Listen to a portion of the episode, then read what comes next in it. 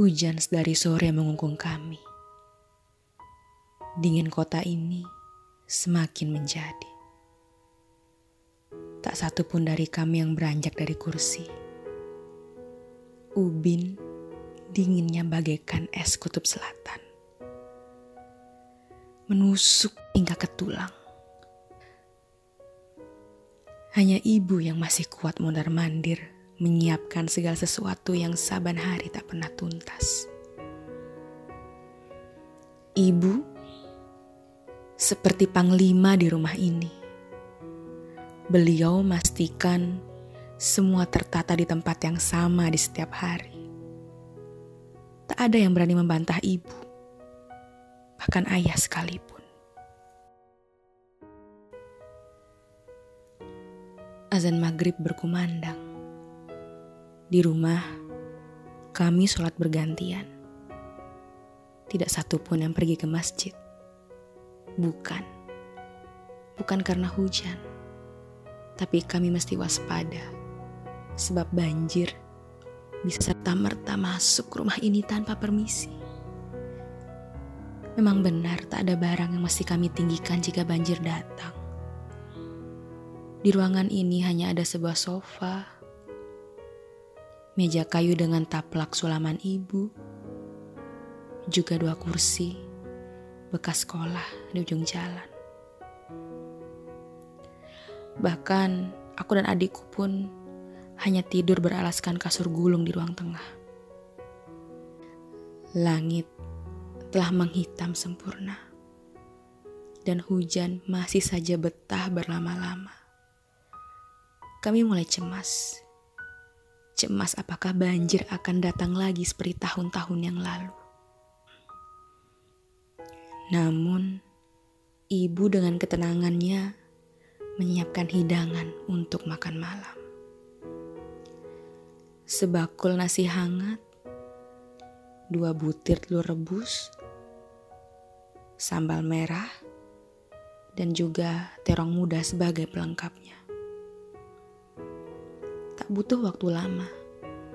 Semua yang dihidangkan ibu telah berpindah ke lambung kami masing-masing. Aku menebarkan pandanganku keluar rumah. Melalui jendela, menembus langit malam yang diselimuti oleh hujan. Ada banyak hal yang aku pikirkan. Seperti apakah uang SPP bulan ini bisa dibayar? Atau apakah besok malam kami bisa makan, dan masih banyak hal lainnya.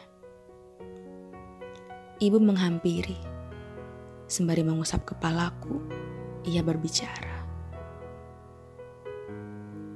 Tenanglah nak, usah hiraukan esok hari. Biar ibu dan ayah saja yang carikan solusinya. Kamu tenanglah. Tidur yang nyenyak Tidur lelaplah malam ini dengan perutmu yang sudah penuh terisi. Aku membalasnya dengan senyuman. Namun, seketika senyumku redup bersamaan dengan padamnya lampu. Ayah dengan sigap menyalakan teplok. Hingga ruang ini kembali berbinar. Remang-remang. Adikku ikut meriung bersamaku Paham dengan anaknya yang mulai resah, ibu mulai bercerita. Pada malam yang dingin berselimut hujan sedari sore, di balik temaram lampu teplok, cerita ibu mengalun. Aku terpatri menyimak, dan adik rebah di pangkuannya.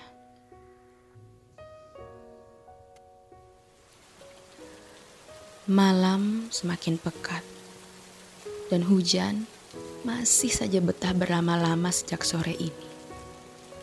Bulir-bulir air hujan bergelayut pada kaca jendela berbingkai putih ini. Adik membelai mesra rambut ibu yang telah memutih di pangkuannya. Seorang perawat datang menghampiriku. Sudah bisa dilepas alat-alatnya, dok? Aku mengangguk pasrah. Ayah, duduk lemas di kursi berbusa tebal yang terletak pada pojok ruangan. Tenanglah, Bu. Usah hiraukan hari ini. Kami akan baik-baik saja. Tidur yang lelap, Bu. Tidurlah yang lelap.